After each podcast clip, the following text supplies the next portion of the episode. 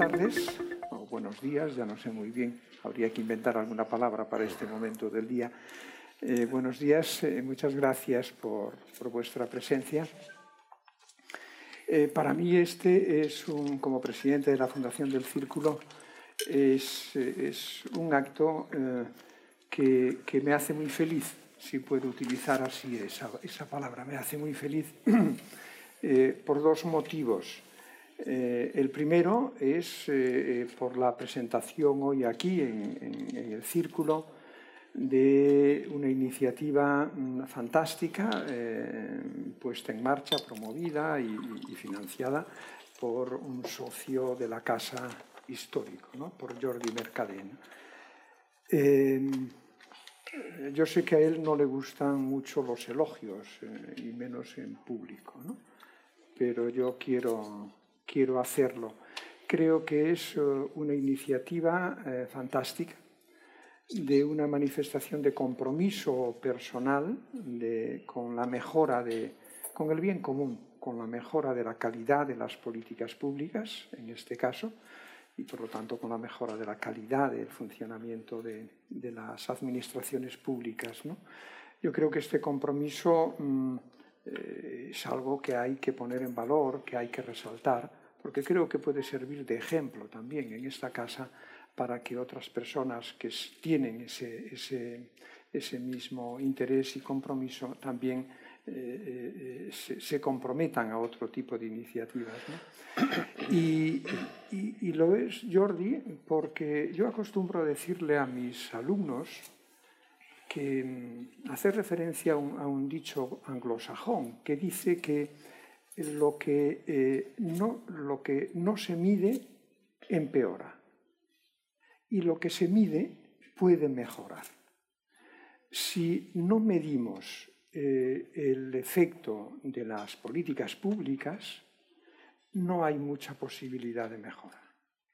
Sin embargo, si lo medimos, creo que las cosas pueden mejorar. Y esto es un ejemplo, a mi juicio, de, de que ese compromiso eh, personal, eh, Jordi, es muy importante, insisto, para la mejora de la calidad de las políticas públicas en España, en definitiva, para el interés general y el, y el bien común. Por eso decía, me hace muy feliz que esta iniciativa, este observatorio, que comienza ahora a ponerse en marcha, eh, se presente aquí hoy, porque es como una especie de, de sacramento, ¿no? de, de, de, bautismo en este caso, y que tenga lugar en el círculo eh, me, da, me, hace una gran ilusión.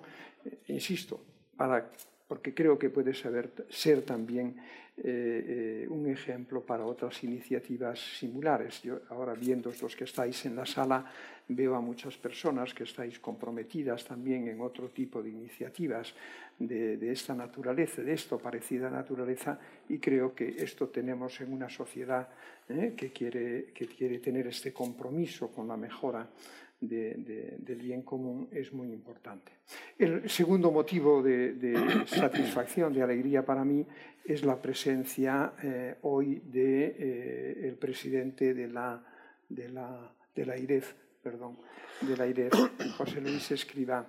Y lo digo también, eh, a él no, no, no, sé si le gusta o no, pero lo digo muy conscientemente, quiero decirlo, y lo he hecho en, los últimos tiempos en algún otro lugar, el elogio que le debemos como españoles a la excepcional y exitosa labor que ha desarrollado José Luis Escriba en estos años, casi ocho ya, ¿no?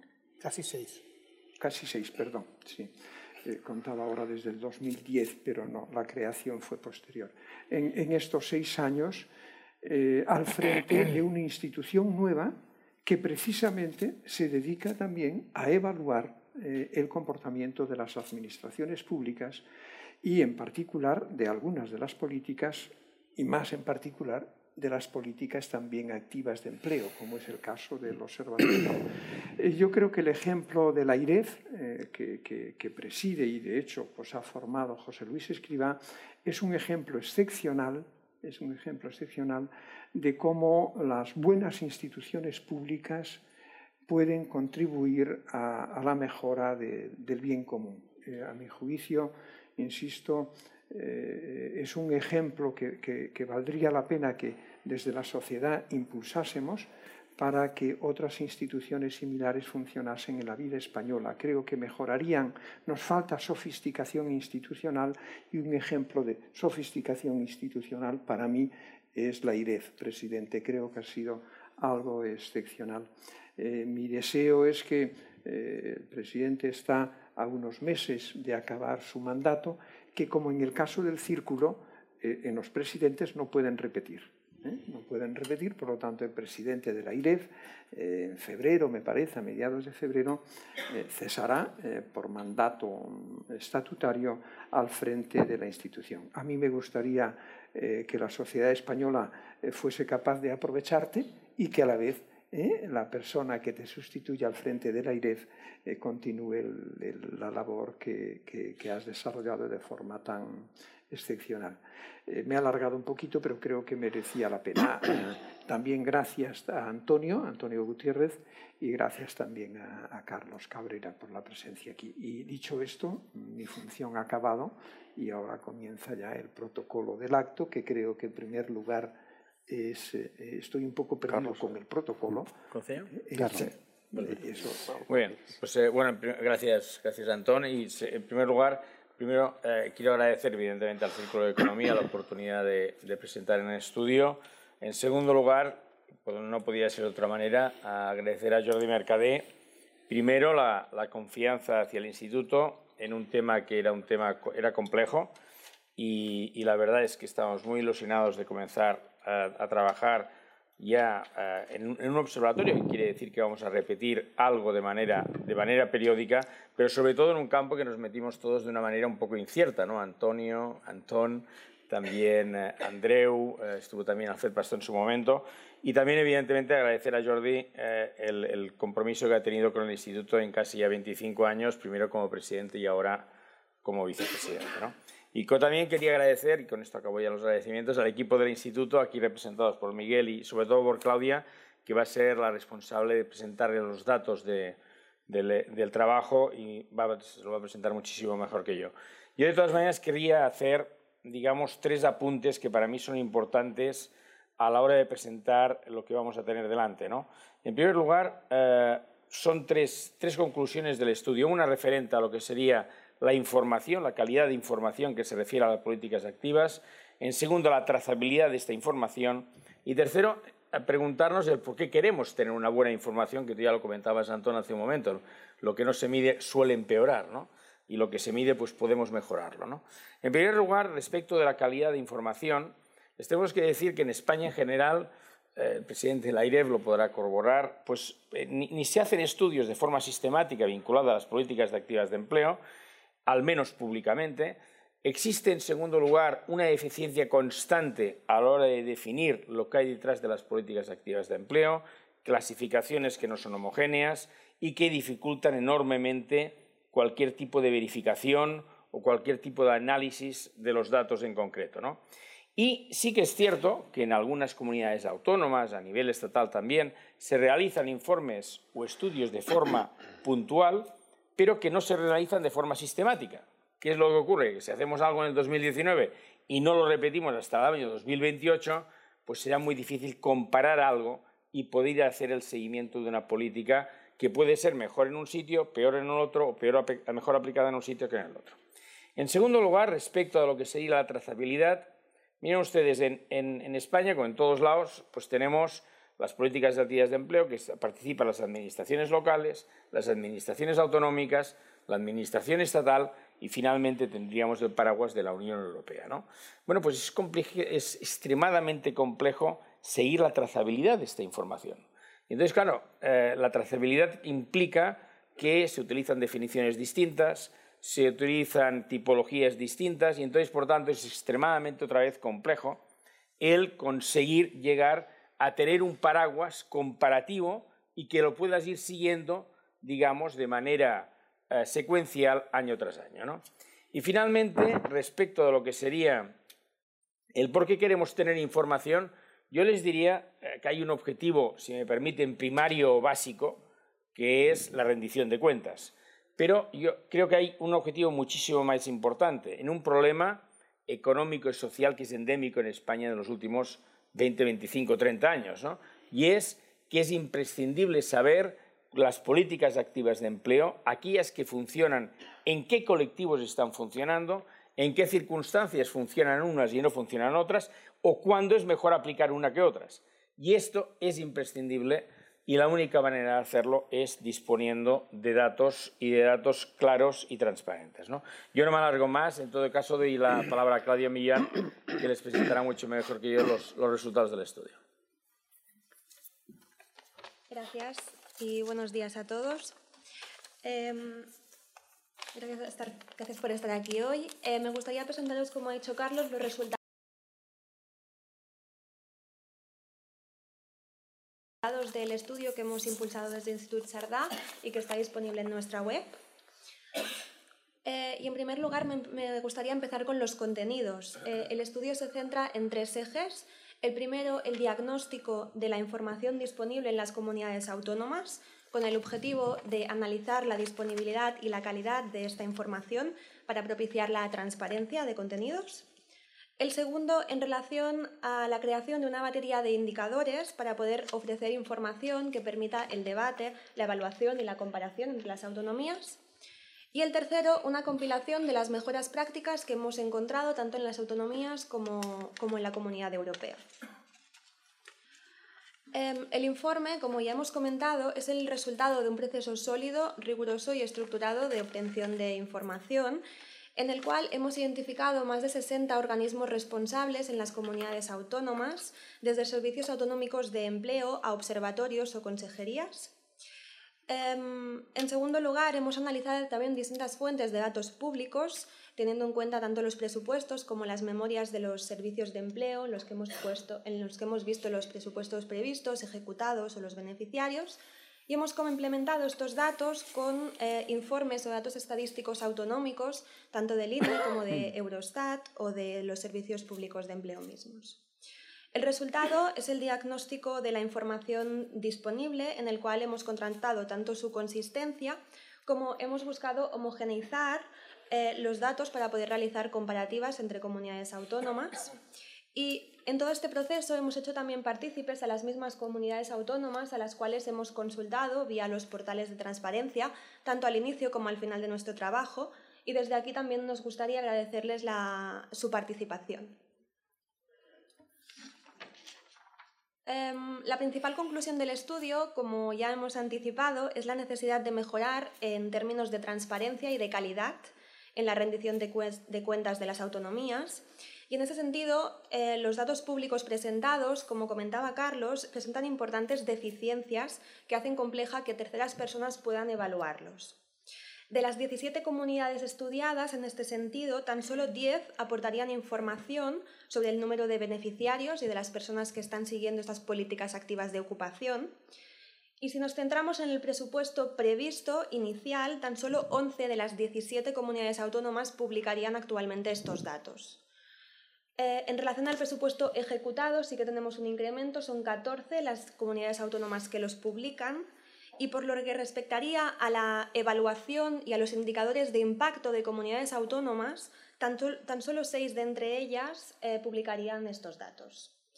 Al intentar realizar una comparativa entre todos los datos publicados, vemos que al final tan solo son cuatro las comunidades autónomas que aportan estos datos de manera simultánea y por tanto han sido, en cierta manera, las que, las que tienen más protagonismo en nuestro observatorio.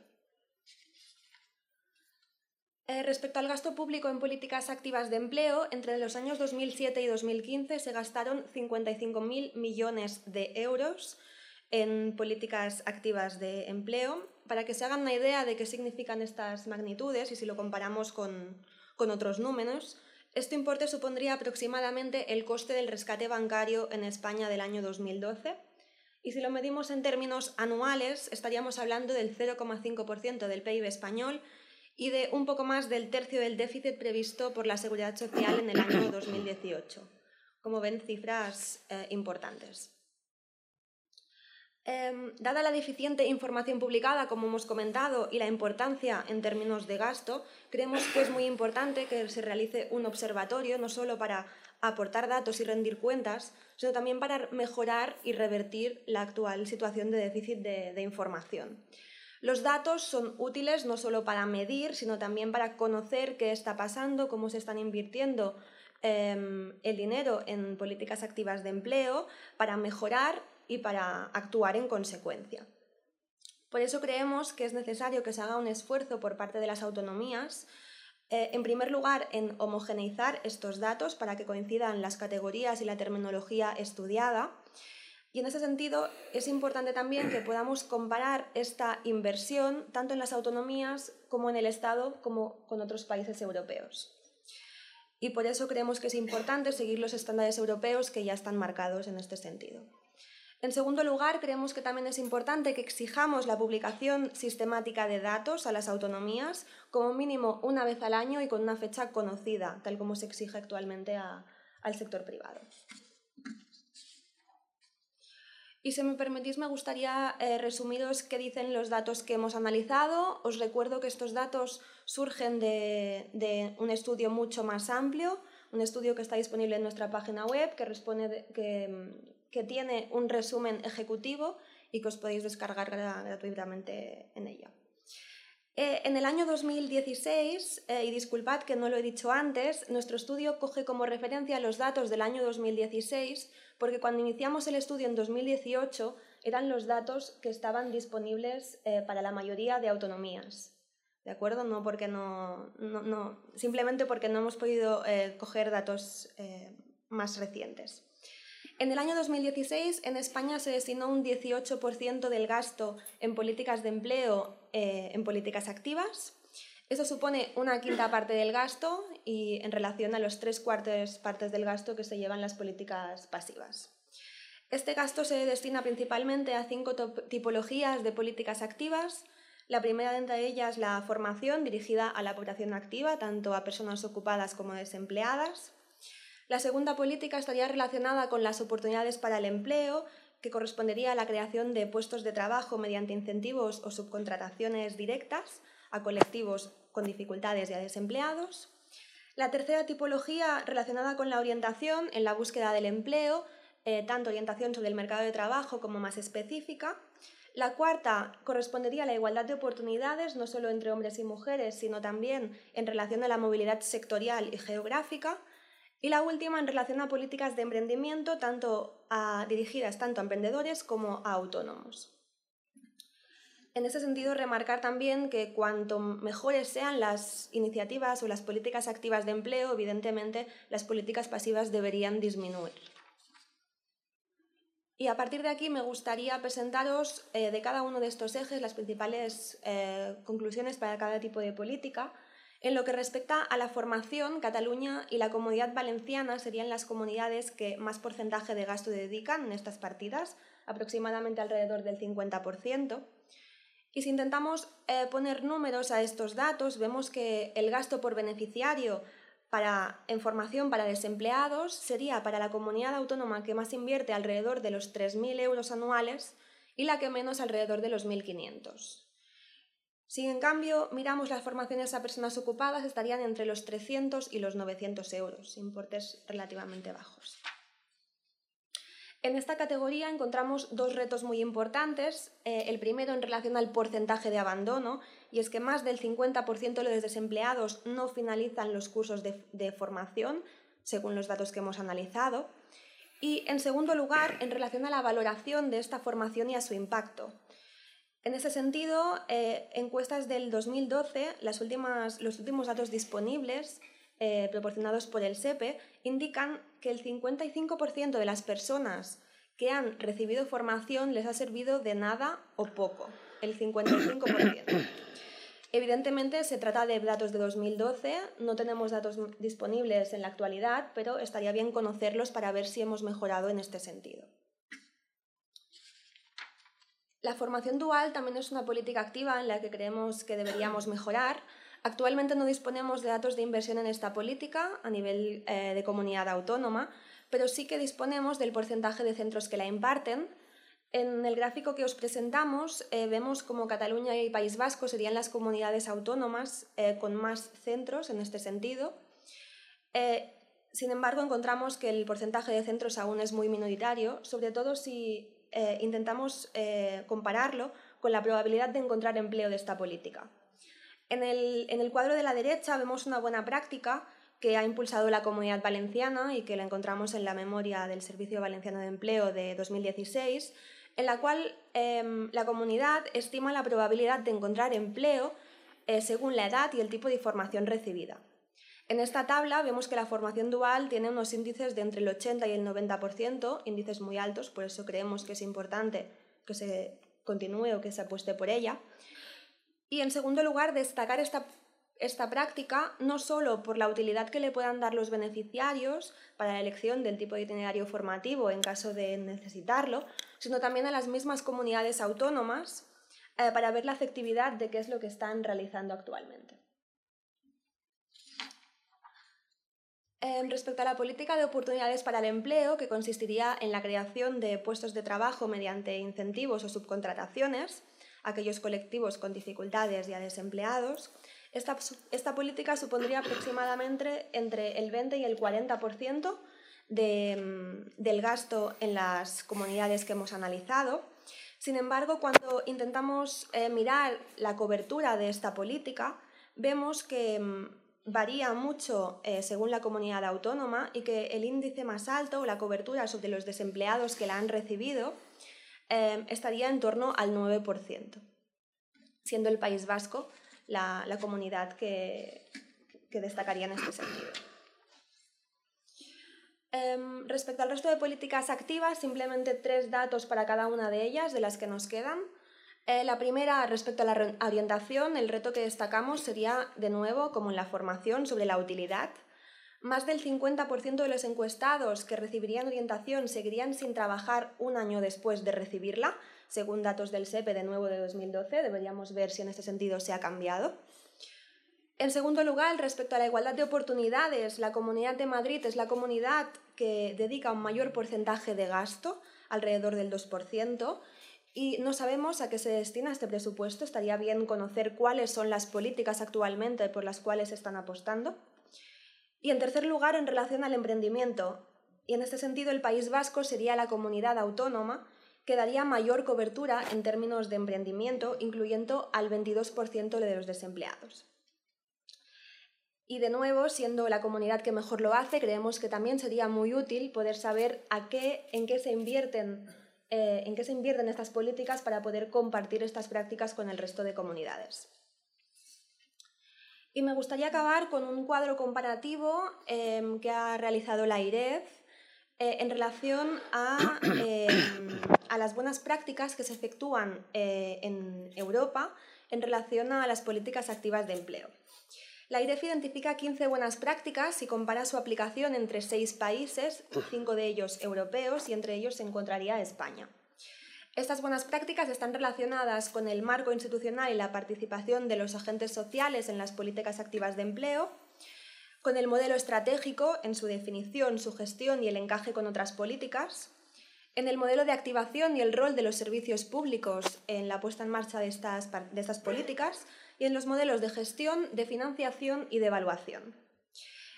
Eh, la evaluación se realiza según un código de colores. En verde encontraríamos los países eh, que comparten la buena práctica que se identifica por parte de la IREF en amarillo aquellos que comparten algún aspecto de la buena práctica y en rojo aquellos que no la comparten. Si miramos la situación de España, vemos que aún nos queda un amplio camino de mejora y es que en este sentido, 11 de las 15 buenas prácticas no se están realizando actualmente y 4 de ellas se están trabajando en alguna medida. Relacionándolo con el espíritu de nuestro estudio, creemos que mm, estos ámbitos podrían ser un buen punto de partida para la mejora de las políticas activas de empleo en España y para continuar seguir mejorando en los próximos años. Y hasta aquí los principales resultados del estudio. Em, recordaros que lo tenéis disponible en nuestra página web y muchas gracias a todos.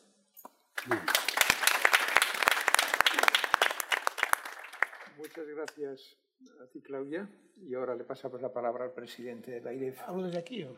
Sí, sí, como tú estés más cómodo. Sí, ¿eh? no me parece. Sí, tengo que proyectar ahí. Sale. Bueno, antes de nada quiero agradecer al CICLE, quiero agradecer al, Instituto de Cerdá por, por, la amable invitación, a Jordi, a, a todos los que me han, me han, involucrado en esto, porque pues, pues es una oportunidad de discutir eh, un estudio que tiene un extraordinario mérito. Tiene un extraordinario mérito porque, y eso mm, nadie mejor que la IREF lo puede decir, porque simultáneamente o con un poco de calado al, al estudio sobre políticas activas que estaba haciendo el instituto, está, nosotros arrancamos otro, eh, y la diferencia fundamental es que mientras ellos lo hicieron a pecho descubierto, acudiendo directamente a las comunidades o a las fuentes de información públicas que existe o a los portales de transparencia o pidiendo cuántas peticiones tenéis hechas al portal de transparencia, al, al, hecho peticiones, incluso cuatro por comunidad. No, es, es verdaderamente notable porque nosotros hemos hecho ese proceso protegidos por una ley orgánica que eh, nos permite eh, exigir, de hecho, a las comunidades autónomas o cualquier administración pública que nos dé los datos que nosotros pensamos que son necesarios y después, además, en este caso, porque era, un, era parte de un ejercicio más amplio, de un spending review eh, acordado con la Unión Europea, con un acuerdo del Consejo de Ministros que tenía cláusulas adicionales sobre, sobre la, la obligatoriedad de proporcionar información. Yo creo que nosotros hemos, a pesar de todo esto, al final pues se arrastran los pies y no, no siempre eh, es fácil acceder a los datos, pero con estas eh, herramientas que teníamos nosotros, yo creo que hemos al final visto todo lo que hay. Luego, y ahora podemos ver la, comparación. Digamos que lo que, no, lo que, lo que no, no está es que no existe o está en unas condiciones para no poder ser analizado. Por ejemplo, pues gran parte de todo lo que son políticas asociadas a cursos de formación, la información registrada es de una calidad ínfima en la mayoría de las comunidades autónomas para simplemente poder trabajar por ello desde una perspectiva de evaluación. Luego, el primer punto que hay que hacer esto es un trabajo de un mérito extraordinario y que requiere pues, el, aplauso, el aplauso de todos. Yo iba, bueno, ya, ya, lo ha explicado Claudia, hay tres grandes ejes en el, en, el, en el trabajo, casi me lo voy a saltar porque estoy haciendo aquí de comentarista de este papel. Voy a añadir los elementos de nuestro trabajo en paralelo para que veamos un poco las diferencias con con la cautela del principio, que nosotros la verdad es que no, hemos tenido otros medios y otras capacidades, por lo tanto, yo creo que mm, va a ser un punto de partida para todo lo que sea a continuación. ¿eh? Yo creo que este estudio es, un estudio muy bien hecho, muy cuidadoso, con, explotando al máximo la información y pone de manifiesto pues, el, déficit, la calidad y la, y la, transparencia que hay de los datos en, este, en esta área, como en muchas otras, pero esta en particular, y está en particular porque es particularmente sangrante, porque claro, hay que, que, España tenga déficits en otras áreas, pero en esta área donde la tasa de paro estructural de España estará en torno al 14-15%, estamos otra en el 14%, que es eh, una situación cíclica neutral, como estamos en España ahora, que era la que tuvimos en el año 2000, cuando estábamos en una situación cíclica parecida, o la que teníamos en el año 92-93. Volvemos al 14. Es decir, que un país haya pasado dos, tres ciclos económicos con una tasa de paro estructural eh, en torno al 14, el 15 y eh, tenga esta deficiencia de evaluación, información de la política, una de las políticas que tendría que ser central para revertir estos datos, pues nos debería llevar a todos una reflexión, a todos. Y yo creo que, que un aspecto que emerge claramente en el informe es la enorme heterogeneidad desde el punto de vista del acceso que han tenido a la información, por eso se han podido comparar solo con algunas comunidades autónomas. Esta es una tabla eh, basada en los datos del instituto sobre eh, la, información que ellos han recopilado en distintas vertientes sobre el acceso a la información que existe y por tanto de ahí puede salir una taxonomía que es la que aparece a la izquierda, un ranking de lo que ha encontrado la, evaluación del instituto. Eh, nosotros hemos tenido más información, hemos tenido acceso a mucho más detalle de, de cómo operan las comunidades autónomas y eso nos ha podido hacer un ranking, digamos, sobre el funcionamiento de los servicios de empleo en su, totalidad. Aquí nos hemos valido de una fuente que quizá el Instituto podría haber utilizado, aunque no es fácil de manejar, que son los informes EVADES de evaluación, pero además hemos añadido todos nuestros propios eh, cuestionarios eh, de las entrevistas que hemos hecho a todas las comunidades autónomas y la evaluación de las políticas. Eso nos ha, nos ha, permitido hacer un ranking y una taxonomía, que es la que aparece en este gráfico, donde vemos un dato que también emerge exactamente igual como el instituto. Hay una enorme diferencia, es decir, no todos somos iguales, no todos somos iguales, y hay, hay, eh, eh, hay algunos sitios, por ejemplo, y puedo hacer evaluaciones de mucho detalle, como es el caso de Aragón, estoy pensando, eh, y en otros sitios prácticamente no se puede hacer nada. Eh, pero en cualquier caso, cuando evalúas las políticas hay enormes diferencias. Esto, en la medida en que uno tiene, y estoy pensando hacia el futuro de los profesionales, te da al, analista una capacidad de inferencia. Tienes hay variabilidad, tienes 17 comunidades autónomas con comportamientos distintos y como sabemos los economistas, eh, pues de la variabilidad se puede hacer sacar resultados diferentes. Cuando todo es igual, pues no, no hay forma de inferir nada. ¿no? Luego aquí hay una fuente de información muy interesante para el futuro eh, que nos permite ver que aquí no todos somos iguales y probablemente un ejercicio de correlación con las tasas de paro y desempeño en general de los mercados de trabajo relativos en cada una de las comunidades autónomas nos podría dar algunos resultados incluso en términos de causalidad sobre los que habría que trabajar. Eh, yo no voy a pasar por esto, pero el instituto ha sacado indicadores de debajo de las piedras con los datos que tenía y ha sacado cosas muy interesantes que yo creo que ya Claudia las ha contado, yo aquí las ponía un poco de una forma un poco más eh, impresionista.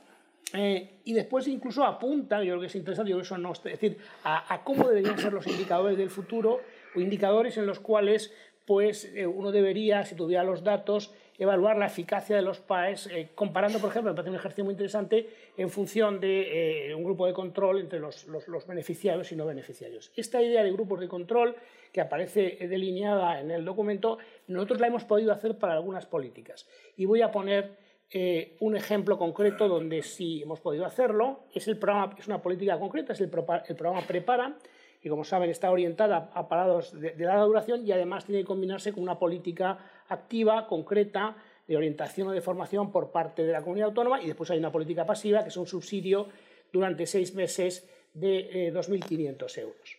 Bien, eh, nosotros hemos tenido acceso a todos los beneficiarios de este programa, que han sido 850.000 desde el año 2012 al 2017. Eso tiene un coste agregado de unos algo por debajo de 1.500 eh, millones de euros y además hemos tenido acceso justamente a los rechazados de los programas. Es decir, en el SEPE nos han podido dar los, que han recibido los beneficiarios y a los que no se les dio el programa, pero eran parecidos. Esto es un punto de arranque muy importante en el grupo de control. Y al final, eh, eh, todos esos trabajos, pues el término técnico, como sabes, es, hacer análisis de propensity, es, hacer, propensity score matching, es decir, eh, es, trabajo de emparejamiento y es definitivamente metodológica muy importante, como sabemos, tener una buena calidad del grupo de control. Eh, aquí hemos utilizado distintos tipos de, técnicas estadísticas para tener un grupo lo más parecido posible de individuos que no han recibido el PAE a los que han recibido. Decir, el grupo de control y el, y prepara. Esto yo se ha hecho con bastante cuidado y se ha podido hacer, y ha llevado bastantes filtrados y da resultados interesantes. Bueno, aquí están las conclusiones, pero casi mejor es verlo en este gráfico. Este gráfico que mide, este gráfico lo que mide es tres, seis meses, que es hasta donde termina el, periodo del prepara, y después 12 y 24 meses, aquí lo que hemos podido hacer nosotros para hacer este análisis es una cosa que no es nada fácil, porque aunque están en un mismo ministerio, la información, digamos, de las vidas laborales que está en, la seguridad social no se comunica mucho con la, base de datos del SEPE, que son los que, donde quedan registrados los, que reciben las, ayudas. ¿no? En este caso, eh, lo que hemos hecho aquí es, es este gráfico, como digo, yo como que se entiende un poco cómo puede ser una evaluación de eficacia de este tipo. Es decir, en el eje horizontal tenemos el tiempo, 3, 6, 9 y 12 meses, y en el eje vertical lo que estamos midiendo es la probabilidad relativa de los que han recibido el prepara de, tener empleo a 3, 6 meses, 12 meses en relación a los que no han recibido el prepara. El resultado anual es que aquellos los que han recibido una política activa de empleo y han recibido 2.500 euros se han colocado, la probabilidad de obtener eh, eh, trabajo en 3 6 meses es menor, no es mayor, es menor que las que no recibieron el prepara. Y solamente a partir de hace 12 meses se van acercando a cero. Es decir, esta política en principio es un subsidio, probablemente un subsidio de larga duración, pero la parte de política activa no, no emerge por ningún lado en los resultados de los datos. Este es el total nacional y aquí hemos agrupado por grupos de regiones en función de la clasificación de Eurostat, por regiones de, cierta similitud, para no obtener aquí las 17 comunidades autónomas. Y aquí podemos saber a su vez que hay grandes diferencias entre comunidades autónomas. A su vez, sobre todo esas que aparecen arriba, me parece que ha ido mejor, son Asturias, Cantabria y Galicia, si no mal recuerdo, es el grupo de Cantabria y Galicia. Muy interesante también ver la pendiente que coge a partir de que acaba el, subsidio a los, seis, a los seis meses, pues vemos que toda la probabilidad aumenta Esto nos da la sensación, por otro estudio que hemos hecho nosotros sobre rentas mínimas, que tiene que ver también con el, grado de generosidad y detalle de, los programas de rentas mínimas que a los que se puede enganchar uno después en cada, en cada comunidad autónoma. Este es otro estudio distinto a este, pero que lo hemos enganchado uno con el otro. Bueno, yo esto lo pongo como ejemplo eh, para ver un poco la potencia que puede tener los microdatos cuando uno tiene acceso a ellos y trabaja con ellos para evaluar políticas. Eh, yo este es un buen ejemplo y aquí nos ha llevado a la conclusión de que simplemente este programa no, no, no sirve para lo que en principio se diseñó y podría haberse definido como un, subsidio a la duración sin más. ¿eh? Toda la parte de política que tiene que poner la comunidad autónoma es superflua la política y el gasto asociado por la comunidad autónoma es completamente superfluo, incluso contraproducente en los incentivos que se genera. ¿eh? Este es un ejemplo de distintos estudios que nosotros estamos haciendo. La segunda parte, es la comparativa internacional, aquí yo creo que el estudio del estudio está, está muy bien hecho y está, hay buenos elementos. Simplemente quería poner de manifiesto que hemos utilizado a lo mejor metodología de selección algo distintas. Nosotros hemos hecho un filtrado un poco para buscar aquellos países que tuvieran mayor desempeño en el mercado de trabajo y eh, después ver las PAEs que han sido más eficaces. Nos ha llevado a una clasificación donde tenemos, digamos, de los cinco, dos países similares y después tenemos tres que son algo distintos, lo que yo creo que genera mayor riqueza después si se manejan los dos estudios. Yo me gustaría eh, eh, dedicar una, transparencia solo a continuación al caso de Australia. ¿Por qué? Porque nos salimos de Europa y nos, y nos pilla un poco lejos. La verdad es que en la IREF, en los años que llevamos, Australia nos está pareciendo mucho. No sé si saben, en la, en la teoría, de, los los economistas dedicados al desarrollo económico tienen un término que utilizan mucho que es getting to Denmark. Es decir, Denmark no es exactamente Dinamarca, es lo que significa Dinamarca como país, digamos, de bienestar, de, igualdad, de desempeño, de calidad institucional. Es como una imagen, ¿no? una, metáfora de lo que debe ser eh, un país. La verdad es que nosotros nos ha aparecido otro Dinamarca, que es Australia, para nosotros nos aparece desde sistemas de financiación autonómica, nos aparece en muchas cosas que hemos estado mirando de distinta naturaleza, porque es un país que, tiene muchos elementos de la eficacia que suele introducir en la forma de funcionar el mundo anglosajón. Es un país que ha estado gobernado por la socialdemocracia muchos años y por lo tanto tiene un estado del bienestar que está muy por encima de lo habitual en otros países anglosajones y después es un estado federal. Es un estado federal como nosotros, es el único país que nosotros hemos identificado que tiene totalmente eh, transferido el gasto en educación y sanidad a las comunidades, en este caso a, los estados eh, australianos. Eh, por ejemplo, en Alemania no es el caso, en Europa en el caso, en el caso de la sanidad. Bueno, pues Australia es un país. Australia tiene una política activa de empleo muy interesante, muy interesante porque yo creo que la, mejor, la forma de verlo es, si al final una política activa de empleo hay que entenderla como alguien que entra a una ventanilla, llega, entra, entra, a una oficina de empleo y va a la ventanilla y qué pasa ahí a partir de ese momento. ¿no? es la forma de verlo. Bueno, la parte española no la contamos, ¿no? pero mejor no la contamos. Pero cuando uno entra a una ventanilla, eh, eh, llega a la ventanilla de, de no, llega a una oficina de empleo en Australia, lo primero que se va a encontrar es que tiene que firmar, es voluntario, es decir, allí no te piden, es una persona que decide ir a esa ventanilla y firma un contrato con una serie de cláusulas en la que se compromete a una serie de cosas y queda una relación contractual a partir de ese momento. A partir de ese momento, entra en un procedimiento. Nosotros hemos ido a oficinas de empleo y hemos visto cómo funcionan en distintas comunidades autónomas. Allí el que más, pues toma ahí unos números, le está preguntando al señor y queda unas eh, es lo que se llama el perfilado. Al final es muy importante el perfilado. Alemania tiene un perfilado excelente, Australia tiene un perfilado excelente. Un perfilado que es que llegue una persona y enseguida se le codifique con una serie de sus características personales, profesionales, etcétera, y eso permite determinar la probabilidad de encontrar empleo y hacia dónde hay que orientarle. Es esto, es, esto está basado en, técnicas estadísticas relativamente sofisticadas, que es, estrujar los datos y de hacerlo bien. Pues en Australia hay un perfilado muy bueno, con lo cual este señor que ha llegado a la ventanilla eh, eh, y empieza a dar, ya entra en, un sistema informático donde ya empiezan a saber de qué, de qué va la cosa. ¿no? Y, y, enseguida aparecen inmediatamente en el ordenador itinerarios potenciales a donde se, puede, se le puede dirigir. A partir de ese momento entra ya el sector privado. Entonces ahí ya no entra el sector privado, entonces hay agencias de colocación privadas a las que se le dirige este señor y con un enorme nivel de detalle. Es decir, eh, cuando hemos visto casos, pues estamos hablando de agencias de colocador para fontaneros, donde está todo especializado, es decir, un, un, muy, un match muy bueno entre oferta y demanda de trabajo desde el punto de vista de las instituciones que intermedian una cosa con la otra. Es decir, control riguroso de costes. Saben perfectamente lo que cuesta un proceso para cada una de las personas. Etc. Y después, la agencia de colocación solo cobra, y ahí entra el dinero público, aparte de la infraestructura, solo cobra si, hay éxito. Y esto se cobra por éxito. Si realmente, pasado un tiempo, esa persona ha tenido un trabajo y ha tenido un trabajo de calidad, entonces la empresa de colocación cobra un subsidio, digamos, hay una, una, bonificación. La verdad es que aquí está todo el detalle. Este es un modelo que nos ha gustado mucho. Eh, eh, estamos muy lejos de ello, pero conviene tenerlo como referencia. Yo quería contarles ahora lo que estamos haciendo ahora, por tanto es, contarles lo que estamos haciendo en este año 19, en el que nos hemos centrado en, es decir, aquí hay una tarta de lo que sería, eh, grosso modo, eh, las, políticas de actividad de empleo. Formación, orientación, un otros que incluye pues, de creación de empleo público, apoyos al emprendimiento y finalmente los incentivos a la contratación eh, bonificaciones o reducciones eh, eh, de, cuotas. Entonces, ese es el 40% en este momento, esto ha ido creciendo. Al final, lo que nos ha salido es que lo, más barato y más eficaz en España de lo que se hace es la orientación. No estamos en los niveles australianos, pero la orientación. La parte de formación es inevaluable porque no hay apenas datos, pero todas las sensaciones que nos da por muchos indicadores cualitativos es muy mala y lo demás tampoco es gran cosa. Vamos a ver qué, está, ¿Qué, estamos haciendo en incentivos a la contratación? Aquí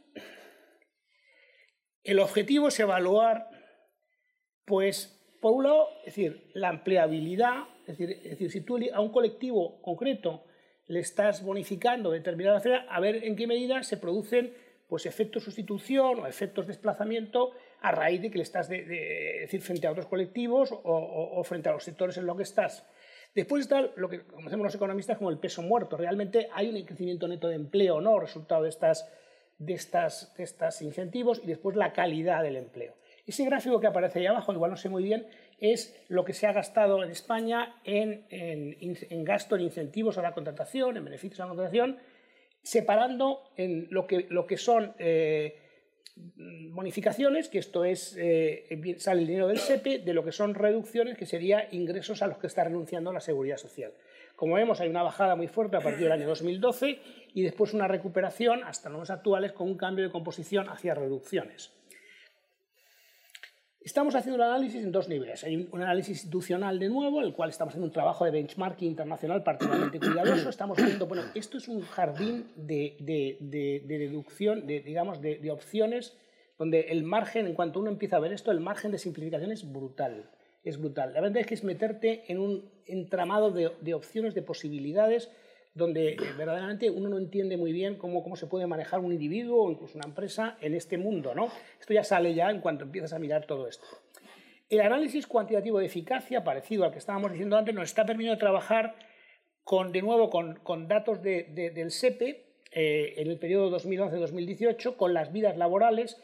Estamos manejando una, una muestra que, que, yo creo que el, que acaba de publicar, que acaba de difundir también, el, nosotros llevamos trabajando un tiempo, yo creo que se acaba de difundir para, para uso general una muestra por empresas en el periodo 2011-2014, lo hemos cruzado con datos de la Central de Balance del Banco de España para tener un grupo de control, para tener un grupo de control, y también la muestra de vidas laborales. hay una síntesis de muchas fuentes de información. Esto de los microdatos, lo que yo estoy aprendiendo es que lo fundamental es además ser capaz de cruzar fuentes de distinta naturaleza para eh, extraer de ahí eh, resultados de mejor calidad. Y estamos analizando pues, distintas, distintas políticas de estas de beneficios, de tarifa plan, etc. Y no puedo dar resultados porque de hecho se están, se están estimando. Estamos trabajando con, con, investigadores nuestros y también investigadores de, de, FEDEA, pues muchos de los especialistas mejores que hay en España en este tema están trabajando con nosotros ahora en esta, con, estos datos eh, pues estoy pensando Florentino Forgeroso, por ejemplo, Marcel Janssen, eh, mm, García Pérez, eh, etc.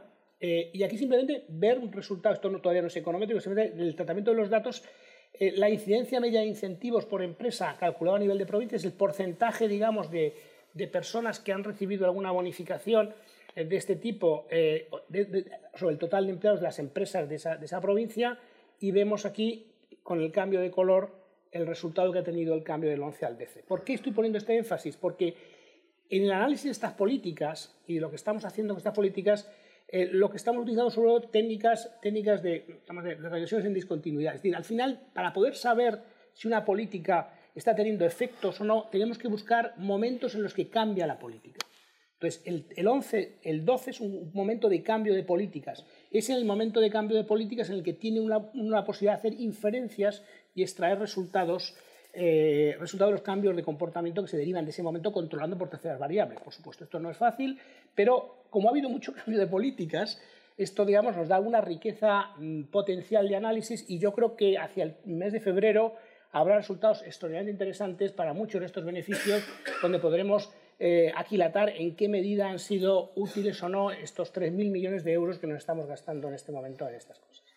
Y nada, y con esto pues, pues eh, les agradezco su atención. Al contrario, te agradecemos, presidente, esta, esta intervención y, y, la riqueza de este, dos, de, de este contraste ¿no? entre lo que no, quita en ningún caso de mérito absoluto a lo que se ha hecho, porque es que son, no, son comparables, pero me parecía que era... No, está muy bien y, eso, eso, es lo que buscábamos, de hecho. ¿no?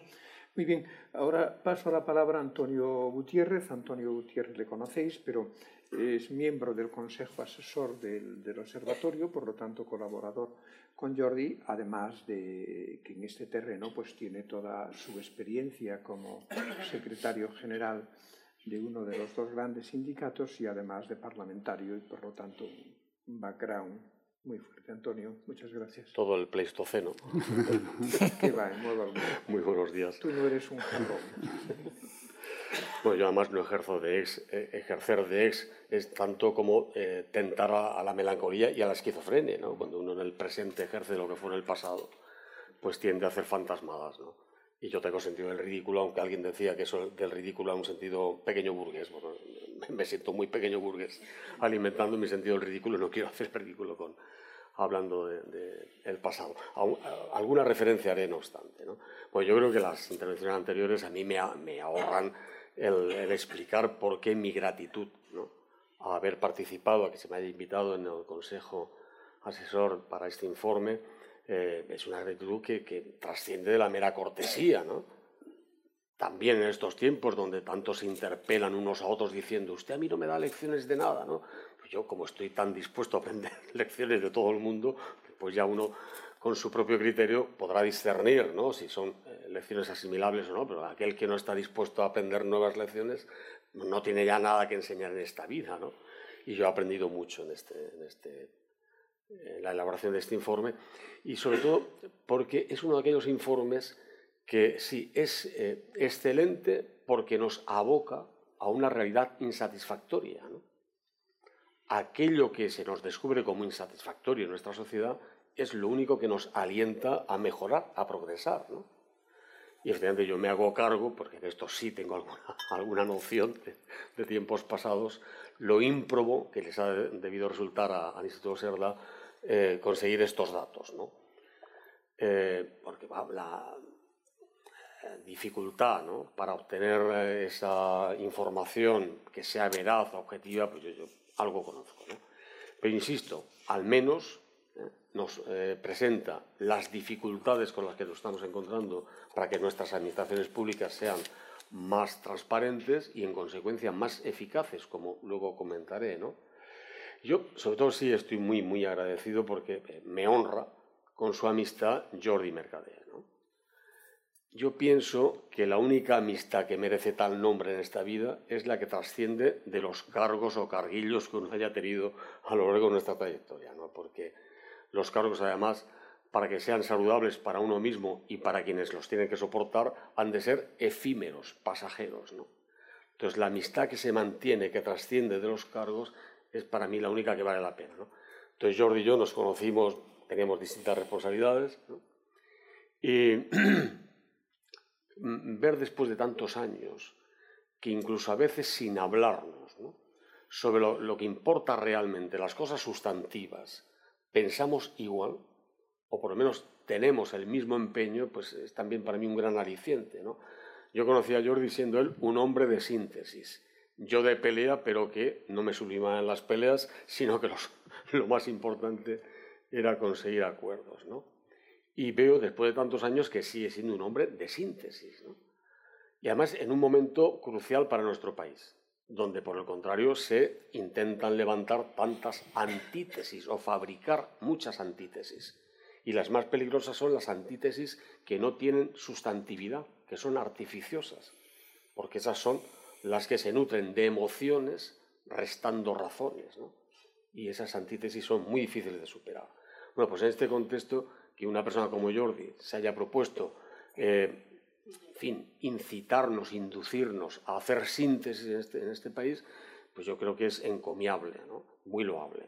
La primera síntesis, también muy manida y, yo creo que mal utilizada, a veces hasta de forma desnaturalizada, la síntesis entre lo público y lo privado. El que hoy es un inversor privado, un, empresario, nos estimule a mejorar la eficiencia del sector público y además hacerlo de forma tan desinteresada, pues yo creo que es el, ejemplo mejor de colaboración público-privada. En cuanto al informe y en fin, el, trabajo, en fin, el objetivo que él persigue al convocarnos a esta tarea de, buscar la mejor eh, utilización de los recursos públicos en las políticas activas de empleo, yo quisiera decir que eh, las políticas activas se empezaron a transferir hace 30 años, grosso modo. Eh, es, sorprendente, incluso un expresidente de gobierno no tan lejano en sus responsabilidades no supiese que estaban transferidas y aconsejase a alguien que las pidiera o que las reclamara para formar gobierno. En fin, transferidas desde hace muchos años. Yo creo que se transfirieron, se empezaron a transferir primero atendiendo a una realidad innegable, ¿no? que es la gran heterogeneidad, afortunadamente, al menos en, teoría, para nuestro país. ¿no?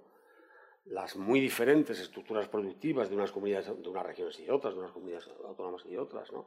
sus propios desarrollos industriales, sociales, culturales, etc., pues no, no, no hacían aconsejable el centralismo en políticas activas que deben estar eso, orientadas a mejorar el empleo de acuerdo con las realidades productivas de cada una de las zonas.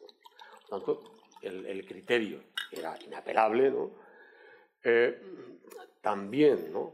Eh, digamos, el objetivo que se perseguía, era esto que recursos que estaban centralizados eh, en, el, Estado pudiesen ser utilizados más a ras del suelo, más en contacto con la realidad de cada cual.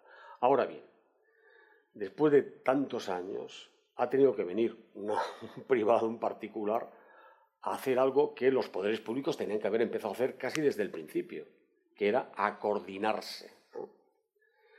Porque la descentralización, si nos presenta estas deficiencias que nos arroja el informe del Instituto Serda, eh, podía hacer pensar a alguno de que bueno, pues lo que hay que hacer es volver a, la centralización. sería un gravísimo error. La descentralización con dificultades o deficiencias, por el contrario, nos tiene que animar a una descentralización más coordinada. Más coordinada eh, eh, que, por cierto, lleva aparejada eh, dos consecuencias, ¿no? Porque la opacidad en la utilización de los recursos públicos casi siempre presenta lo que realmente esconde la, la, opacidad más que los datos es la propia ineficiencia. Si la opacidad es contumaz, entonces lo que está eh, oscureciéndonos es otra cosa peor, es la corrupción. Cuando una administración pública se empeña contumazmente en ser opaca, es que está escondiendo algo muy feo. Por el contrario, la, transparencia lo que induce es a la eficiencia. Yo creo que la coordinación entre comunidades autónomas en estas políticas, compartir saberes y experiencias, es lo que yo creo que es del, origen de la humanidad. ¿eh? Más ahora es lo que siempre nos ha hecho progresar. El mantenerse en pretendidas purezas, con el tiempo hasta en la vida biológica te hace perder la fecundidad. Quien guarda mucho la pureza llega un momento en su vida que ya ni fecunda. Yo creo que desde los seres humanos pisamos esta, esta, tierra, compartir saberes, riquezas y experiencias es lo que nos ha hecho progresar. tanto, en el momento actual, con los retos que tenemos por delante, todo aquello que nos estimule, como hace Jordi con su iniciativa y el Instituto con su trabajo, a coordinarnos compartiendo saberes y experiencias, pues hay, hay que verlo como este empeño de sintetizar realidades diferentes y seguir trabajando desde la peculiaridad de cada cual, pero cada vez con más eficiencia por compartir más cosas. En el caso ya que nos ocupa de las políticas activas, concretamente además eh, en el tema de la formación, yo quisiera recordar que hace ya muchos años uno de los presidentes autonómicos más emblemáticos, con más carácter, ya fallecido, cuando intentaba en su despacho mm, comentarle que estaba muy bien, que cada cual tuviese, claro, cada comunidad autónoma tuviese plenas competencias sobre las políticas formativas, pero intentaba insistir en esta idea de la coordinación. Que mira, es que además, por encima de las diferencias de cada cual, eh, tenemos una unidad de mercado, ¿no? Y no digamos ya, entonces ya participamos de, de la Unión Europea pues, más allá de nuestras fronteras, ¿no? Claro, es muy difícil entender que tú quieras dar formación, por ejemplo, a un maquinista ferroviario hasta el Ebro de una manera y del Ebro para allá de otra. ¿no? Busquemos la forma de, compaginar estas cosas, que no hablamos de homogeneizar, de uniformizar, no, de, coordinar, de ver criterios que no sean comunes. La respuesta fue, afila el cuchillo y no me dé la espalda.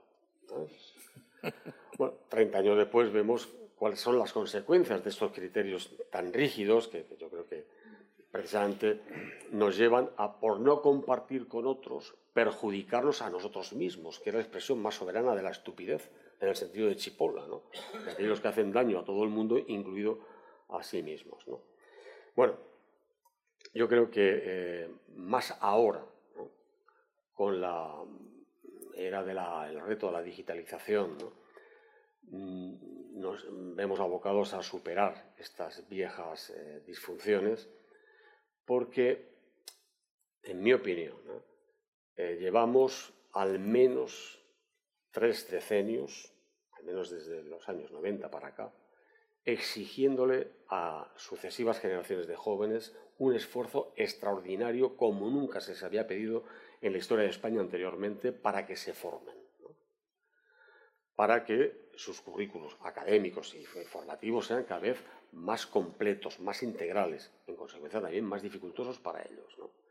Cuando estos han cumplido la parte del trato, porque es verdad que empezamos a tener lo que también Lester Arturo y otros hace ya tiempo consideraban que era la fuente de riqueza más importante de las naciones ya a finales del siglo XX, con más razón del siglo XXI, que es el talento. Cuando hemos conseguido que varias generaciones españoles acumulen tanto talento, lo que les devolvemos la, otra parte, la otra parte del contrato son los empleos que conocemos, ¿no? empleos precarios, actividades intensivas, ¿eh? no de luego para el tecnológico,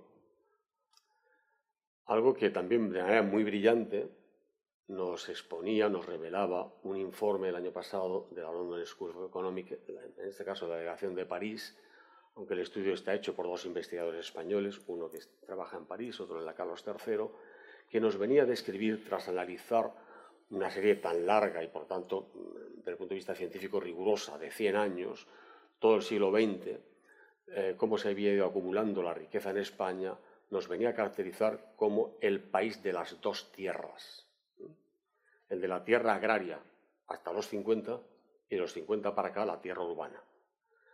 El dato de lo más inquietante es que el 72% del patrimonio acumulado desde, los años 50 para acá se debe precisamente a esto, al ladrillo, que diríamos vulgarmente. Y no tanto ni siquiera por las inversiones, por los crecimientos a mayor velocidad de los precios en la, construcción residencial que eh, de la propia evolución de la riqueza del país y del, del, propio crecimiento del PIB. Por tanto, ahora sí que, en mi opinión, revoluciones industriales anteriores que se perdieron y que de alguna manera, yo creo que nunca se llega, procesos de, modernización de, que ha habido a lo largo de la humanidad, los que se han perdido en su momento nunca se llegan a recuperar en su totalidad plenamente. Y por eso yo creo que nuestro país sigue siendo en gran medida este país de las dos tierras, que no llegamos a conectar de verdad con el desarrollo industrial y tecnológico de los países centrales europeos. Ahora bien, ante el reto de la economía digital, este sí es un reto que si se pierde, se pierde para los restos. Y es lo que sería imperdonable.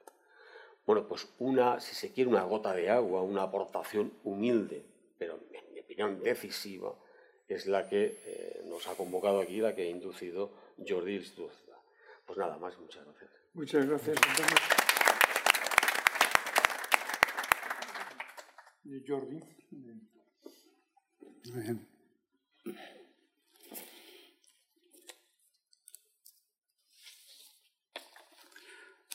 Bueno, eh, debo, debo, empezar dando las gracias a estas manifestaciones de amistad, si no sería mal educado. ¿eh? Pero eh, dicho esto, como sabéis cómo, ¿eh? cuál es mi temperamento, paso ya directamente a mi intervención. Ah, de entrada, daros las gracias por estar aquí. Buenos días a todos, buen día a tothom. Y sí que debo de empezar, en cualquier caso, agradeciendo de entrada a, a los compañeros del Consejo Asesor que desinteresadamente han contribuido a que este documento eh, hoy eh, sea posible presentarlo aquí eh, de la forma más desinteresada posible y con toda la capacidad que cada uno de los, de los miembros del Consejo Asesor, de Antón Costas, de Antonio Gutiérrez, de Alfredo Pastor, que no está aquí, de Andreu Claret, que nos ha ayudado mucho, ha permitido pues, el hecho de terminar una iniciativa de este tipo que cuando la empiezas nunca sabes si la podrás llevar de verdad o en fin. Mejor fin que presentarla hoy en la Fundación del Círculo no lo podía ni haber pensado en aquel momento. La segunda cosa es agradecer al Instituto Cerdá, que se tomó eh, todo el interés desde el primer momento en hacer, uh, llevar a cabo ese estudio, con todas las dificultades que se han narrado, y a todo su equipo de Carlos y sus eh, compañeros que han trabajado muy seriamente a lo largo del tiempo y han ido corrigiendo lo que era necesario a lo largo de estos varios meses, casi 24. Luego, es dar las gracias a las comunidades autónomas, a algunas instituciones a las cuales les hemos remitido este estudio, simplemente para que pudieran hacer las consideraciones que les parecieran eh, adecuadas y que en ningún caso pudiera tratarse el informe desde una visión estrictamente unidireccional. ¿eh? aquellos que han contestado, darles las gracias, aunque no estén aquí, pero han sido muy útiles y las hemos incorporado. ¿eh? Y finalmente agradecerle eh, muy especialmente a la IREF y en, en, la figura de su presidente tres cosas. En primer lugar, el informe. El informe que hicisteis, que surgió un poco antes de cuando estábamos ya nosotros terminando y que resolvió dos cosas. Por un lado, el pensar de que no andábamos tan desencaminados ¿eh? y, en segundo lugar, el ver que había instituciones públicas que se dedicaban con interés a este tema y con una gran calidad. Yo me quedo especialmente satisfecho y, yo diría orgulloso de que instituciones sean capaces de incorporar conocimiento en estos tipos de temas que a veces pueden parecer un poco eh, difíciles desde el punto de vista público. Pero además eh, se produjeron dos cosas que normalmente son poco habituales en España. Una es que nos acogió muy bien el AIREF sin conocernos. ¿eh? Y en segundo lugar, eh, que ha tenido la, la, deferencia de acompañarnos en el acto de aquí. Por lo tanto, José Luis, muchas gracias. Bueno, aquí ya sin más voy a pasar a hacer un comentario un poco con respecto a esta presentación. La primera cosa es decirles que el observatorio e, es, una iniciativa que parte de la idea de contribuir con una acción específica a mejorar esta área tan importante como es la de la empleabilidad y el empleo. ¿eh? Un país que gasta más de 6.000 millones de euros al año, ¿eh? que se dice enseguida, un billón de las antiguas pesetas, en políticas activas de empleo, y que tiene una tasa de paro del 14%, tiene que poner un acento en una política de este tipo mayor que el que habitualmente se pone. Yo quiero decirles que la iniciativa creo que es coherente con mi convicción respecto a la importancia que los servidores públicos que gestionan este tipo de presupuestos necesitan a la hora de potenciar su influencia y facilitar su trayectoria. Mi experiencia de muchos años en el sector público, en la empresa Nacional Bazán, ahora en Avantia, primero, luego como presidente del INI, durante la reconversión industrial, mi colaboración con la Universidad de Barcelona, con la UPC, como presidente de los alumni durante 20 años, o últimamente como patrón del Instituto del, del eh, Hospital del Mar, me permiten afirmar que tenemos grandes profesionales en todos los ámbitos de la gestión pública. Creo que hay que estar más cerca de estos profesionales. Creo que hay que valorarlos adecuadamente y cuidar especialmente a sus cuadros para darles un proyecto personal acorde con su dedicación y con sus méritos que muchas veces echan de menos. Pero el reto está en cómo desarrollar su potencial.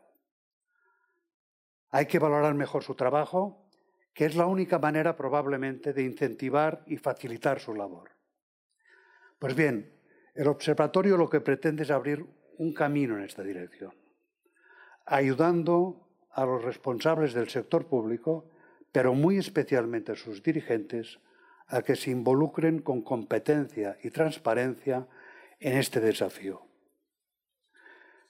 Pero ha surgido a lo largo de las intervenciones que para ayudar lo primero es conocer, disponer de la información. Y para huir de la retórica de este tipo de cosas, hay que hacerlo sobre la base de los hechos y de los datos. Un presupuesto de más de 6.000 millones de euros en un, área tan crítica como la del empleo tiene que ser bien conocido, desagregándolo hasta donde sea necesario para poder estudiarlo en profundidad. Las dificultades ya las hemos visto, las que hay para ello. Pues bien, nuestro objetivo era y es reunir y ordenar los datos e informar acerca de en qué y cómo las 17 comunidades autónomas gastan más de 6.000 millones al año. Este es nuestro reto. Ver qué resultados se consiguen y ver cómo se rinde cuentas de ellos. Pero nuestro objetivo es informar.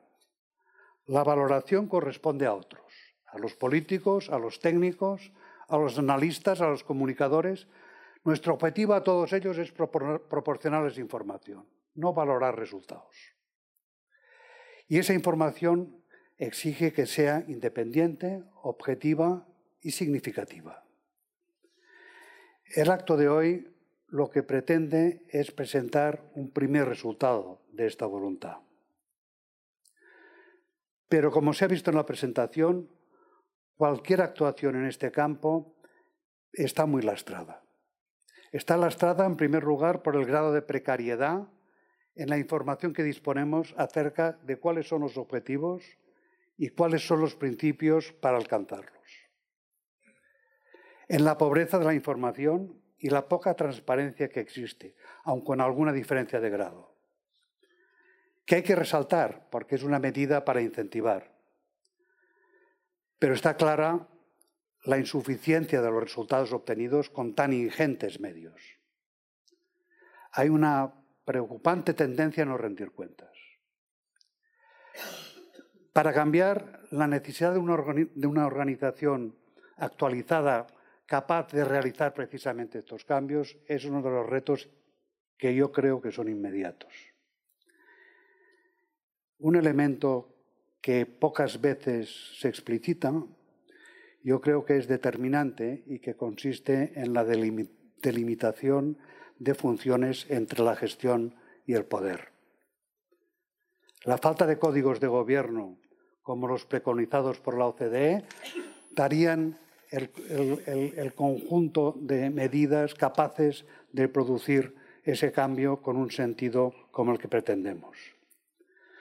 Pero no queremos quedarnos en el trabajo realizado hasta ahora. Eso sería simplemente una opinión. ¿eh? De lo que se trata es de continuar haciendo esa acción específica.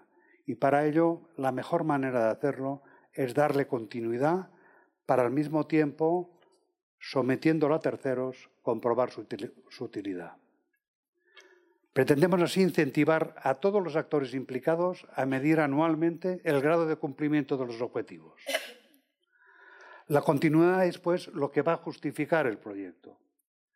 Y a través del conocimiento continuado y sus implicaciones, podremos impulsar la mejora contribuir al análisis y sistematizar la rendición de cuentas. Esto es lo que podemos aportar. Y este es el propósito del observatorio. Siendo un poco eh, petulante, si quieren, más de 6.000 millones de euros nos interpelan cada año. Y más de 3,2 millones de desempleados nos lo exigen. Yo creo que sería una satisfacción adicional que una iniciativa de este tipo animara a miembros de la sociedad civil a ampliarla a otras áreas del sector público. La sensibilidad social, el compromiso de aquellos que reintegran a la sociedad lo que por su esfuerzo a la sociedad, perdón, lo que por su esfuerzo y su éxito han obtenido de ella, no tiene por qué circunscribirse a la cultura, la ciencia o el apoyo directo a los más desfavorecidos. En cualquier caso, son actuaciones encomiables, pero pueden también involucrarse con sus recursos estos mismos colectivos que desde la independencia den a conocer la calidad de la gestión de los bienes públicos. Posiciones de este tipo no, cuestionan en ningún caso las decisiones políticas acerca de cuánto dedicar a las actuaciones, durante cuánto tiempo o con qué objetivos. Lo que se pretende es hacer que el gasto, el esfuerzo, sea conocido con transparencia, gestionado con eficiencia y evaluado en función de los resultados. Se trata, pues, de levantar el velo de la opacidad desde la objetividad y la independencia, por parte de los que tienen los medios y la voluntad devolver a la sociedad más de lo que éste legalmente les exige.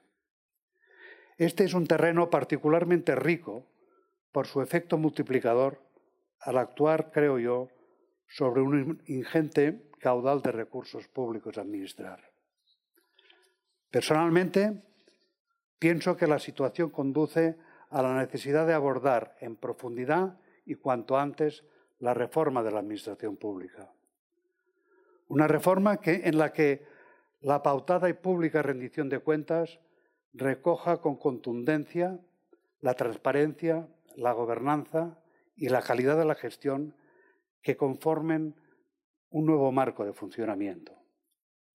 Y para acabar, permítanme expresarle mi más firme convicción de que un sector público transparente, competente y respetado por todos será una de las claves de bóveda imprescindibles para construir el edificio que nos reclaman con tanta contundencia los tiempos nuevos. El observatorio pretende ser un paso, un pequeño paso en este sentido. Y en eso estamos y en eso estaremos. Muchas gracias.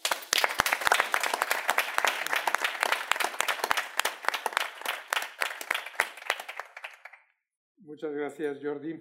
Eh, yo em, me reitero en, manifestarte eh, la, alegría y el agradecimiento por esta, por esta iniciativa. Eh, como tú decías, y yo también he dicho al principio, creo que es una muestra de, posibilidades y a veces de obligaciones que tenemos que hacer también desde la sociedad, ¿no? porque de alguna manera eh, una buena sociedad eh, se basa en una especie de santísima trinidad, ¿no?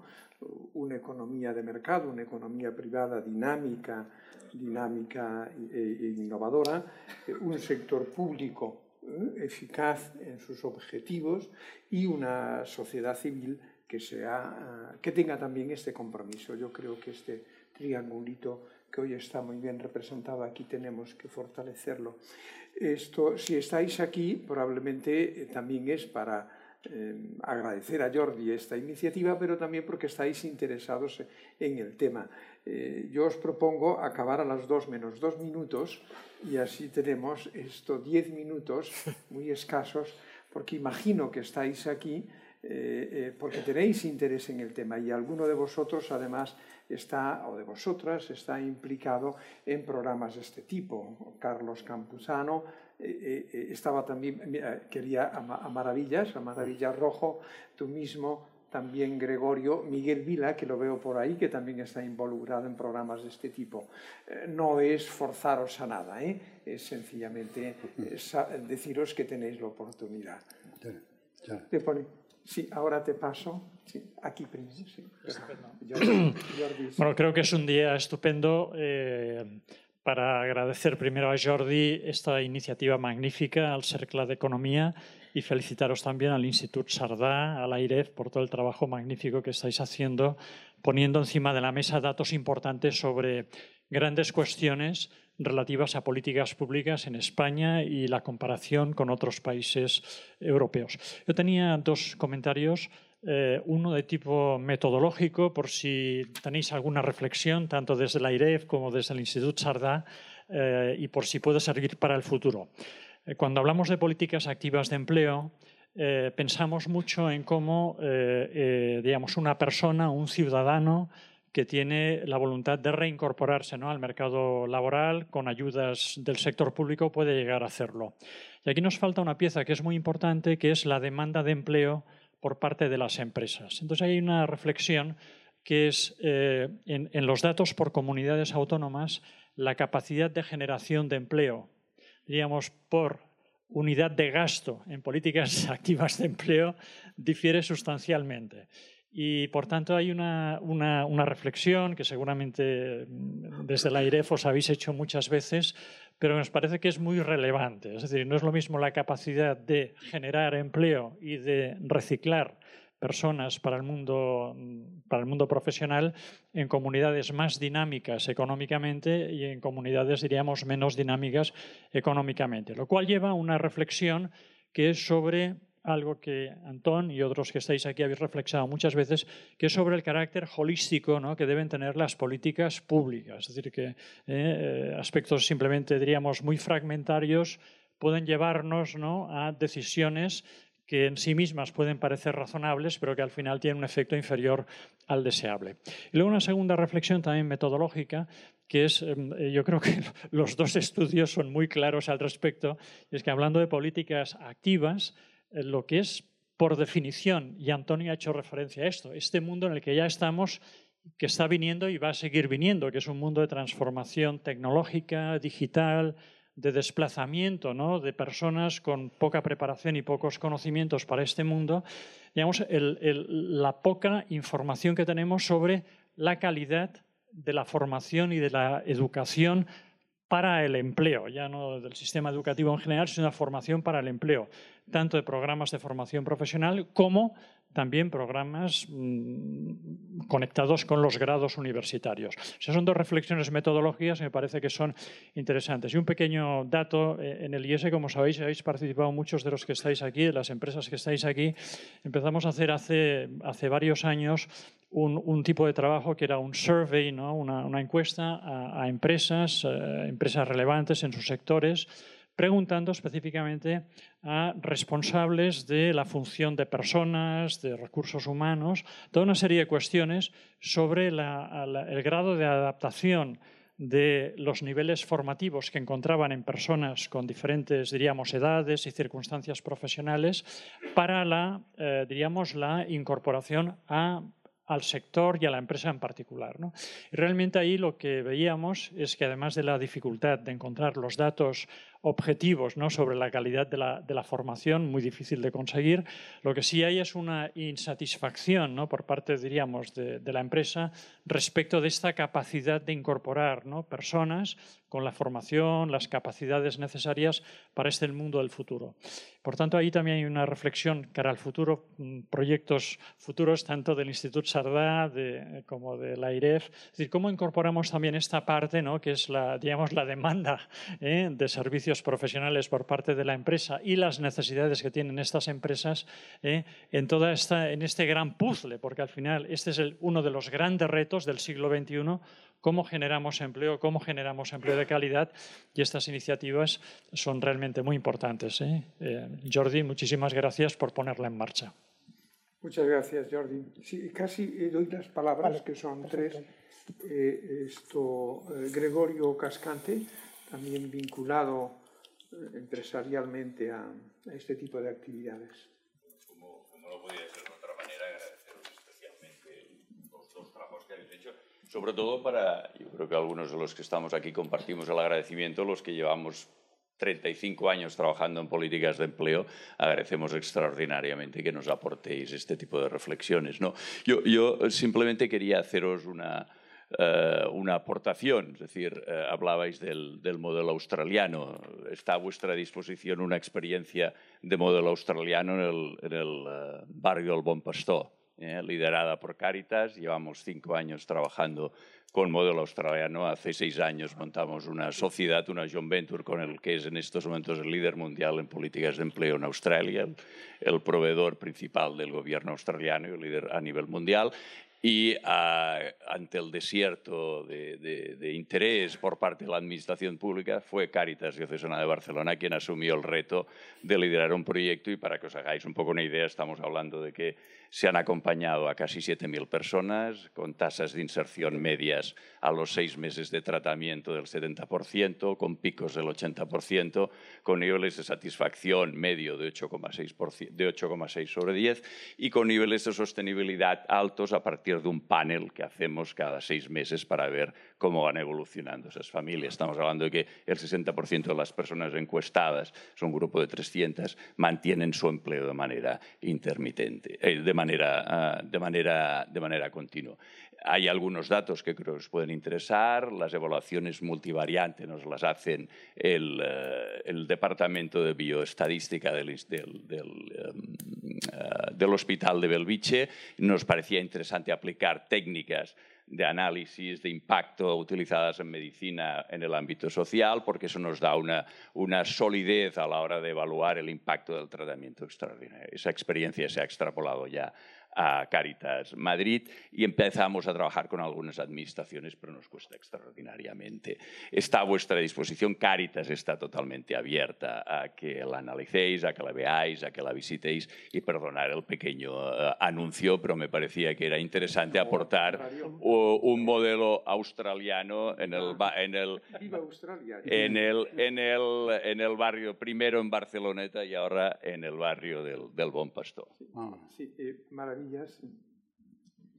Muchas gracias. Bueno, primero de todo, felicitar el rigor y la oportunidad de este estudio. Yo creo que es como un aire fresco, aunque es un déjà vu, porque mm, parece la, esto, el Día de la Marmota, eh, estamos hace 40 años planteando las mismas cuestiones y probablemente algunas de ellas no tengan mucha mm, solución o respuesta.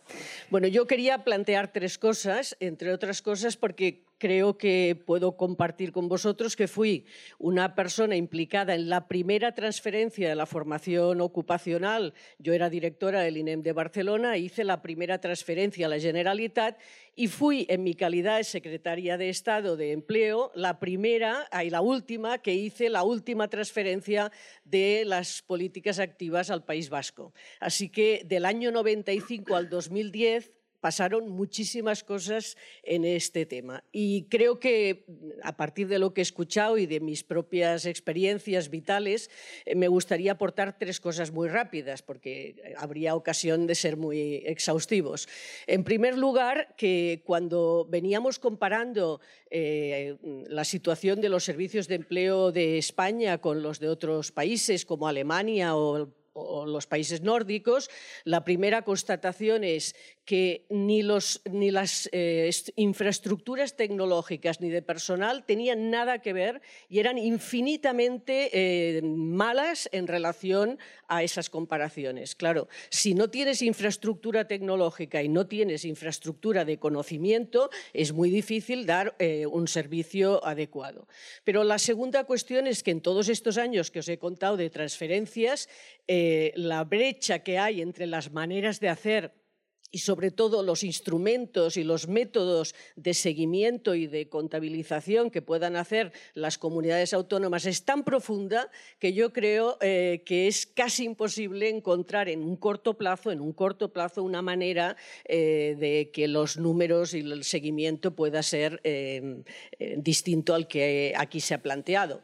Por lo tanto, yo propongo tres cuestiones a considerar. Ya voy ya. En primer lugar, la profesionalidad. Es decir, no puede ser que los servicios de empleo tengan tanto eh, énfasis político, porque eso supone una discontinuidad permanente de las maneras, de los instrumentos, de la coordinación, eh, más profesionalidad, es decir, ser los directivas o directivos en función de sus méritos y no tanto de su posición política. La segunda, infraestructura tecnológica. ¿Por qué la seguridad social funciona? Porque ha hecho una inversión o, o Hacienda muy potente en Nunca lo ha hecho los servicios de empleo en España. Y tercero, la coherencia. El 40% de las políticas activas es para contratación, para subvenciones a la contratación. Creo recordar que ha dicho el presidente del INEF. En el 2011, cuando yo estaba secretaria de Empleo, ya teníamos estudios muy rigurosos públicos y privados que indicaban que las bonificaciones nunca creaban empleo,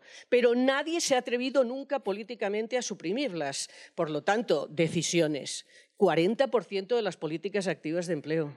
Gracias. Muchas gracias a ti, Era muy oportuno. Eh, Miguel Vila, como buen ingeniero que eres, sabes que el último es la variable de ajuste del modelo.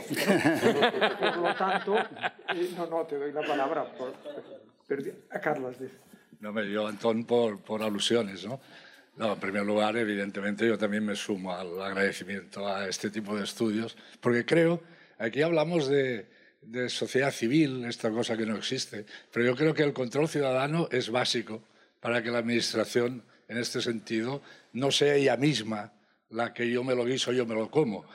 Eh, eh, este es un primer tema. Un segundo tema respecto a una alusión que se ha, o un comentario que se ha hecho aquí de las necesidades de las empresas. Caray, que las empresas se impliquen en la formación y no desde fuera se dediquen simplemente a criticar que la formación no les prepara a la gente para la empresa. Mm, pues que se impliquen. ¿eh? Y en tercer lugar... Teniendo en cuenta que tú fuiste director general de una gran empresa. Bueno, eh, y en tercer lugar, en tercer lugar eh, estamos hablando aquí de, de paro. en estos momentos se está intentando formar gobierno a nivel español. ¿Alguien recuerda que los partidos políticos en la campaña electoral hayan hablado de paro? No, no ha salido la palabra paro en ningún momento. La, preocupación de la sociedad por el paro, por el paro y por el trabajo precario, que es una nueva forma de paro, está como desapareciendo. Parece que lo asumimos como la cosa más natural del mundo. Este tipo de estudios, yo, mm, una cosa que me ha sorprendido un poco, que Jordi Mercader al final ha dicho que no es para sacar conclusiones, simplemente es para aportar transparencia al resultado de las políticas activas. Yo creo que sí, que habría que sacar conclusiones y habría que exigir a la Administración que estos 6.000 millones de euros ¿eh? que se aplican tienen que ser eficaces. Y la propia, la propia llamémosle así, ciudadanía ha de exigir que lo sea. Muchas gracias. Y por último, Carlos, Carlos Campuzano. Dos comentarios tan solo. Uno, el valor de los informes tiene que ver con intentar subir en la agenda política el nivel de interés de estas políticas, que es uno de los grandes problemas que hay en la, en la ausencia de decisiones estratégicas en esta materia. Lo decía Maravillas, yo recuerdo un instituto, un informe de la Agencia de Evaluación de Políticas Públicas de las bonificaciones de hace cerca de 10 años y un informe de Universidad de Alcalá de Henares de hace 10 años, más o menos, que coincidían en la crítica a la política de bonificaciones y que el éxito ha sido perfectamente descriptible en su implementación ah, política. El hecho de que la IREF haya hecho esta apuesta es muy sólida y que ahora el Cerdá lo refuerce. También hay que subir en la discusión sobre el desempleo este, este aspecto. Y segunda cuestión, que era la pregunta que os iba a plantear, ¿no? Yo creo que en, la discusión, junto con las cuestiones que plantea Maravillas, que coincido, la experiencia de Gregori que he podido conocer, me parece que hay un elemento fundamental que es el vínculo entre políticas pasivas y políticas activas. Eh, España gasta un montón de dinero en políticas eh, pasivas que están absolutamente desvinculadas en su gestión de las políticas activas. Ese vínculo entre las prestaciones por desempleo y el conjunto del resto de subsidios y las políticas orientadas a la incorporación del medio de trabajo me parece crítico en cualquier aproximación que busque una mayor eficacia de esta política pública. y gracias. Pues si os parece, hacemos a la europea. Paramos el reloj así y, yo consigo, logro mi objetivo de acabar a las dos menos dos y, acabáis cuando queráis. Muy bien. Yo, diría, sí, la verdad es que me gustaría un poco, de, las distintas observaciones que se han hecho y, preguntas o planteamientos, transversalmente abordar algo lo que a lo mejor no hemos profundizado suficiente. Yo creo que hay diagnóstico de que esto no funciona bien, hay diagnóstico abundante. Ahora la pregunta es el por qué.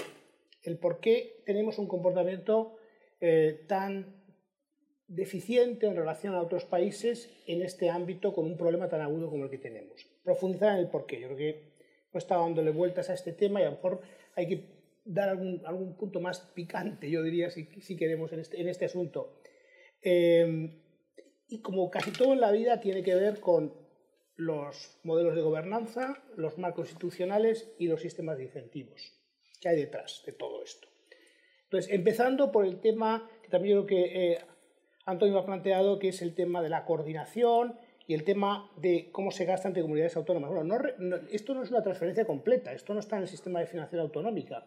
Es una parte muy importante de este dinero sale de los presupuestos generales del Estado y, por lo tanto, el que en última instancia decide cómo se distribuye este dinero es la Administración Central del Estado a través de eh, la Conferencia Sectorial de Empleo. Nosotros hemos estado evaluando la Conferencia Sectorial de Empleo, hemos estado allí viendo cómo funcionan, en unas cuantas reuniones, hemos sido, digamos, unos auditores del funcionamiento de esa Conferencia Sectorial de Empleo, donde se reparte este dinero, y hemos visto además cómo se fijan los objetivos. Bueno, ahí hay un enorme campo de mejora, tanto en, es decir, al final es la Administración Central la que está de sus presupuestos generales del Estado eh, aportando unos fondos. Es decir, tiene derecho a poner condiciones y tiene derecho a poner condiciones en función de resultados. Esto es lo que debería ser. Es decir, y hay mucho margen de mejora ahí.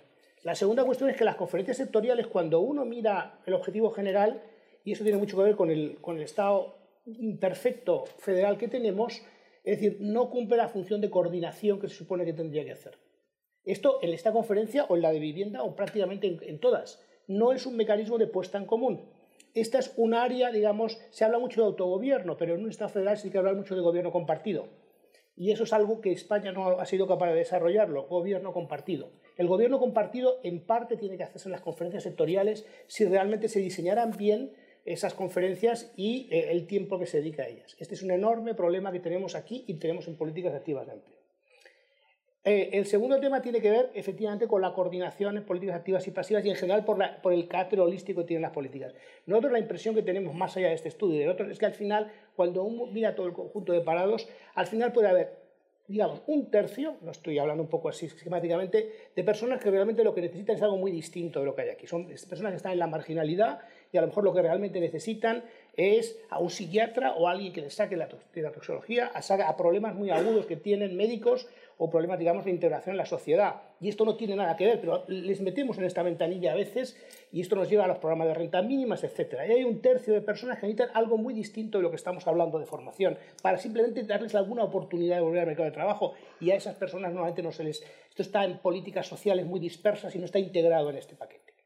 La segunda parte es personas que necesitan probablemente un reciclaje importante con con eh, un tercio adicional, un reciclaje importante del mercado de trabajo con una focalización muy fuerte y con una formación muy fuerte. Y después hay una tercera parte de personas que es un problema de mismatch entre oferta y demanda que no está bien construido. Esta es, la, fotografía general y lo que no tenemos es un diseño integral y holístico, estoy de acuerdo, para atacar cada uno de estos grupos que después a su vez los podemos, eh, eh, digamos, bajar a categorías incluso más pequeñas. Este es el trabajo que está por hacer en gran parte de las políticas sociales en este país, en este y en otros terrenos. Y después el tema que ha salido de la implicación de la, empresa y los cursos de formación, etc. Bueno, no olvidemos que una parte muy importante del dinero que se dedica lo gestionan los, sindicatos y los, empresarios a través de las patronales. Lo gestionan, ¿eh? lo gestionan directamente en cantidades muy importantes. Luego ahí está la involucración. Es decir, mucho más que en otros países. Es decir, y cuando uno mira, esto no hemos podido, efectivamente hay un problema de datos, pero cuando uno empieza a mirar por sectores en la economía, hay sectores en los cuales la formación funciona mejor y el mismatch es mucho mejor, probablemente porque los incentivos están mucho más claros en esos sectores económicos.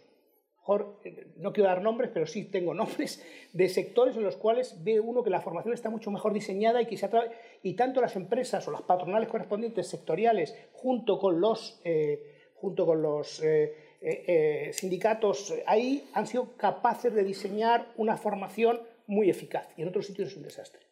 Luego, de nuevo, hay enorme variabilidad que nos permite ver y los incentivos que hay detrás también son muy interesantes de observar. Perdón que me extendí un Al contrario, muchas gracias. Eh, yo creo que esta, que esta sesión ha sido como un regalo de Navidad que nos ha ofrecido Jordi ¿eh? Eh, y el propio presidente de, de la IREF. si os parece, no sé si vas a... No, no, si queréis comentar, estarán cansados, ya les hemos sometido a un suplicio suficiente. Eh, Eso deseando unas, unas felices y sosegadas fiestas, nos vemos en, en el año nuevo. Muchas gracias. Muy bien.